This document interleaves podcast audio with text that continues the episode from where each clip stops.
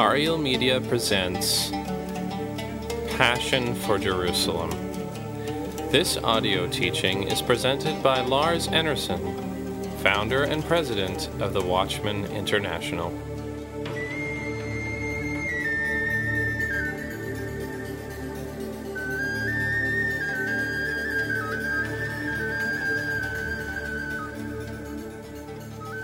So last night we ended our Seder with, with the words next year in Jerusalem. So this entire event, this is um, this entire celebration, this feast is focused towards Jerusalem. So that is what I will speak on uh, this afternoon, uh, share about God's own city. And it's such a vast subject, and uh, I don't have all day, so God re- really has to help me to get uh, across to you what is most important. So I want us to begin by praying together for Him to lead us and that He will impart something into you more than what words can express. That there is something that is going to be like a fire for Zion's sake in your heart from this moment. Um, before we pray, I just want to say that um, uh, we started out our ministry as a ministry of intercession, a ministry of prayer. But um, just like somebody told me even today, they said, many, many years ago, God just spoke to us to pray for Israel. We didn't know why. we didn't have much understanding. We just knew that we had to pray for Jerusalem, we had to pray for Israel. So my teaching really came out of a need to give more substance for people with a heart to pray for Jerusalem and to pray for Israel. So, um, because of my own walk with God in praying for Israel, God began to reveal things to me, and that's what I started to share with people to help others to pray. So that is the background. Uh, you know, when God called me to a ministry of prayer, we will soon pray here, but I'm still wanting to introduce some things here. God called me to a ministry of prayer in 1977 here in the United States. And one of the first things that happened was that He took me to a conference here in Paducah, Kentucky in 1977. I was here. Uh, it was just supernatural how I came to be a part of that conference. So it's like a little bit of deja vu here, I'm coming back to this area, and now I am uh, privileged to teach. But God called me to a ministry of prayer. I never thought that He would use me to teach. After I, I was called, I returned to Sweden and uh, my father was a pastor, and he heard me speak the first time when I came back to Sweden, and it did not go well at all. so I told my dad, I said, it didn't go very well. He said, no, it didn't, but uh, maybe you learn after a while. And so I just assumed that God would not use me to teach or even to speak. He had called me to pray, and I knew that. But eventually, it just dropped on me um, this anointing, maybe I should say, to also to teach God's people. And it's all from Him, I can tell you that. He can use you in things that uh, you cannot do by yourself. I, I was very, uh, we will pray, but I went to school and uh, science was my passion. Math, physics, chemistry. I had a dream to become, you know, have a Nobel Prize uh, one day, being, you know, making a huge discovery or something.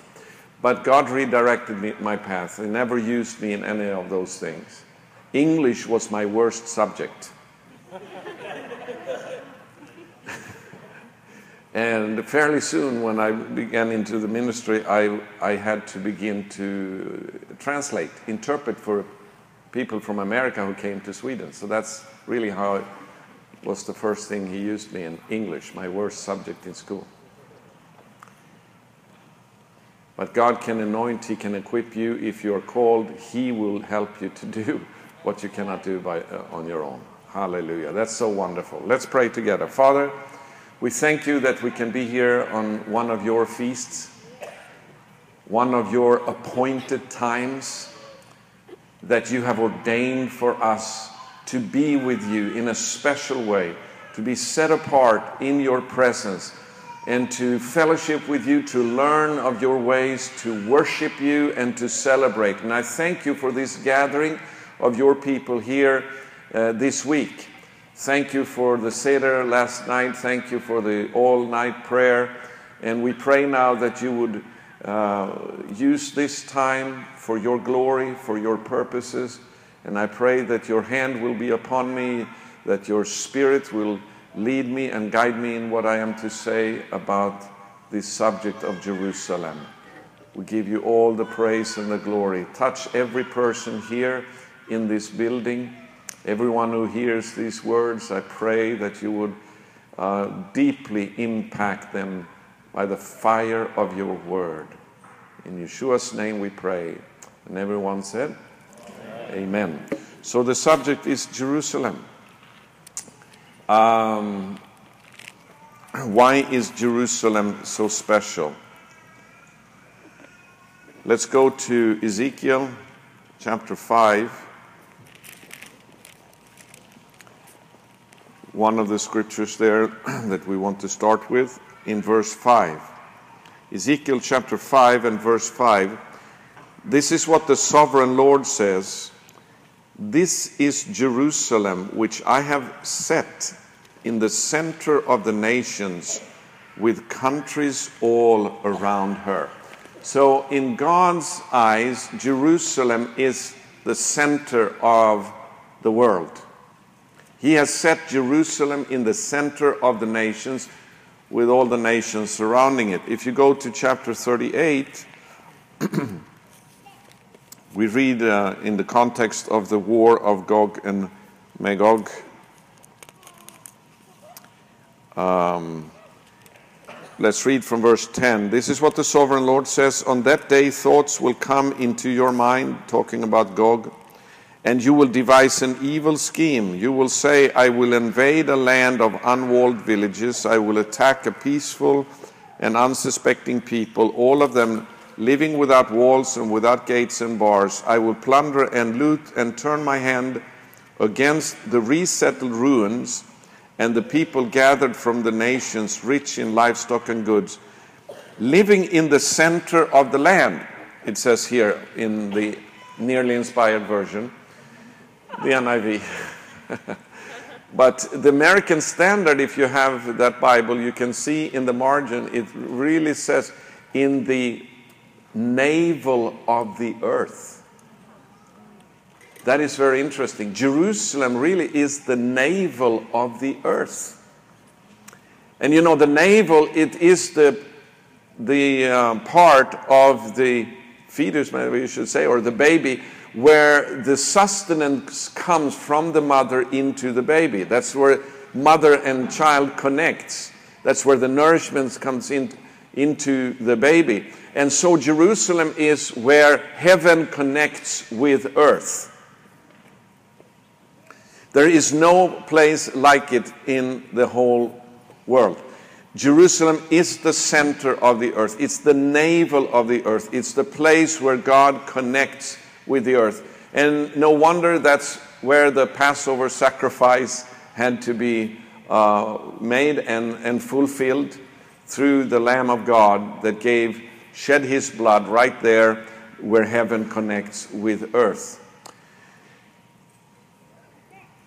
And if you want to be specific, in Jerusalem, um, if you go to Psalm 48,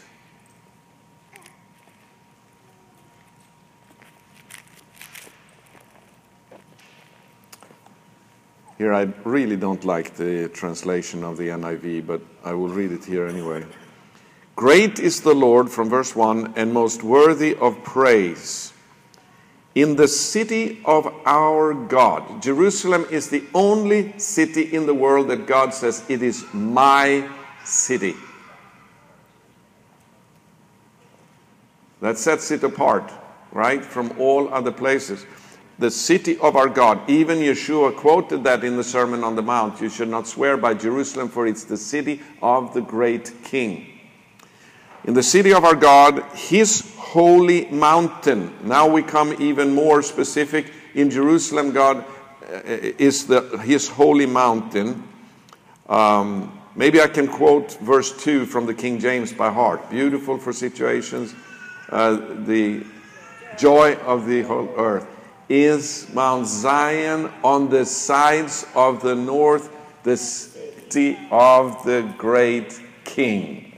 Amen. It's the city of the great king. It's the Mount Zion on the sides of the north. Really, that is God's holy hill, is the Temple Mount. So now we have specified Jerusalem as God's city, but really in God's city, the, the, the city of the great king is the Temple Mount. Um, because that's where the temple was built, and that's where also Solomon built his palace. So that whole complex that is today the Temple Mount is, is the city of the great king. It is the navel of the earth. This is the center of the universe. There is a Dutch um, archaeologist. Um, his name is Ritmeyer, Leon Ritmeyer. He has written a book called The Quest. Has anyone read that book here besides my son? Okay.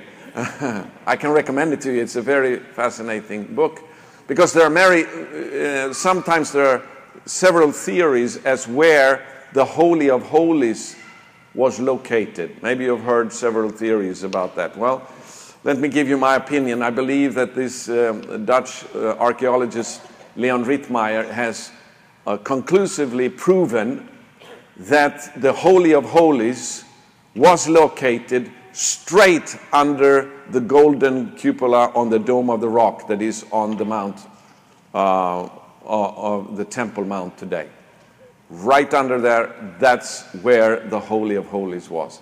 And in Jewish tradition, that place is called the foundation stone.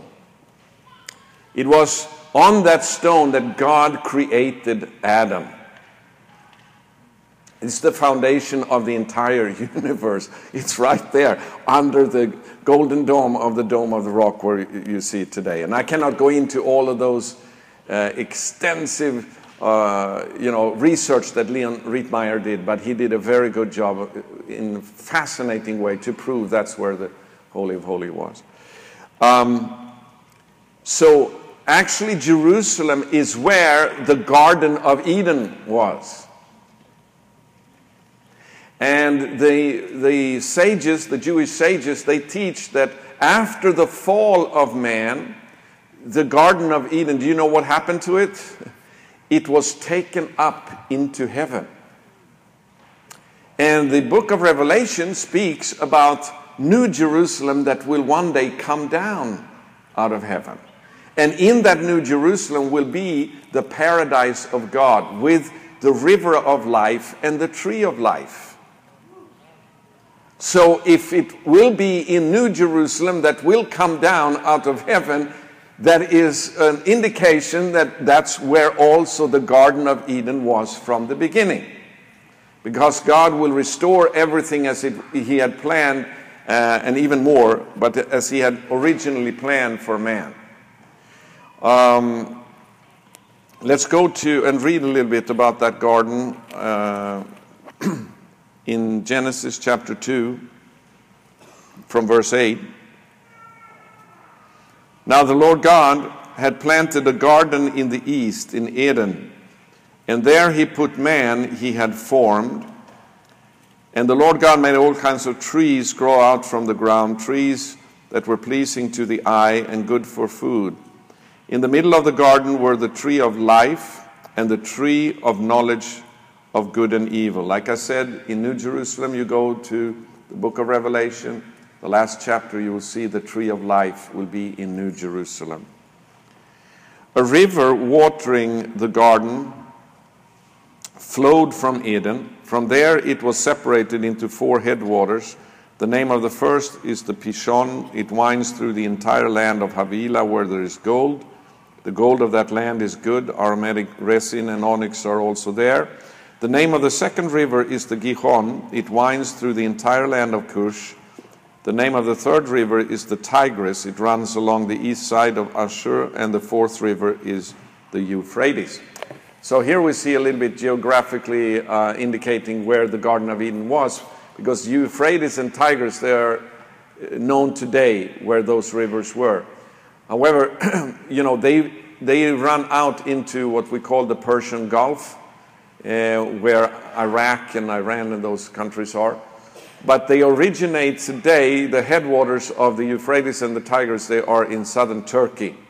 Gihon, interestingly enough, Gihon, it says that river flowed all the way around the land of Cush, which traditionally is Egypt, uh, uh, Ethiopia, excuse me, Ethiopia, the African horn. So uh, if you can picture, and the Gihon spring, you can still see today in Jerusalem. So, in the middle of uh, these locations, if you think about southern Turkey and then uh, the African horn, you have Jerusalem right there in the middle. And after the flood, you know, the earth changed significantly, and especially after the division of the earth under Peleg, which we can read about in Genesis chapter 10. And that's most likely where the um, Syrian African rift was formed from all the way from Turkey down to Africa, which is today the Jordan Valley, the Sea of Galilee, the Dead Sea, all that the lowest part of the earth. That was a rift that was formed in, when, the, when the earth was divided. So, needless to say, the, the earth changed significantly. But if you can picture that in the middle of this area, Jerusalem was located. You also have an indication of that from the book of Ezekiel when he talks about Lucifer, that he was in the Garden of Eden, it says. And also in the next verse, it says, You walked on the mountain of God. Now, the holy mountain of God is always connected with Jerusalem in the Bible. So here you see, uh, maybe we can go there in um, Ezekiel chapter 28, isn't it? In verse 13, talking about Lucifer. You were in Eden, the garden of God. Every precious stone adorned you ruby, topaz, and emerald, chrysolite, onyx, and jasper, sapphire, turquoise, and beryl. Your settings and mountings were made of gold. On the day you were created, they were prepared. You were anointed, verse 14, as a guardian cherub, so I, for so I ordained you. You were on the holy mountain of God. So here, once again, we see a connection with God's holy mountain, which is Jerusalem, and the Garden of Eden. So that is the first time that we see, um, even though the name is not there, but the first time we see Jerusalem mentioned in the Bible is already in the creation account in Genesis chapter 2. And it ends, the Bible ends with Jerusalem being restored which is described in the last two chapters in the Bible, in Revelation chapter 21 and 22. So Jerusalem is a theme that runs through the entire scripture from beginning to the end. It is the city of God. It is the city of the great king. And there he has ordained to one day reveal his glory for all the world to see. That's why he has appointed us to be watchmen on the walls of Jerusalem, to never uh, be silent day or night, and to not give ourselves any rest, and not to give God any rest until he restores Jerusalem and makes it the praise of all the earth. Uh, Isaiah chapter 2. now we go to the end here, but we're going to take it step by step as well until we get here. But in Isaiah chapter 2, it says in, from verse 1 This is what Isaiah, son of Amos, saw concerning Judah and Jerusalem. In the last days, the mountains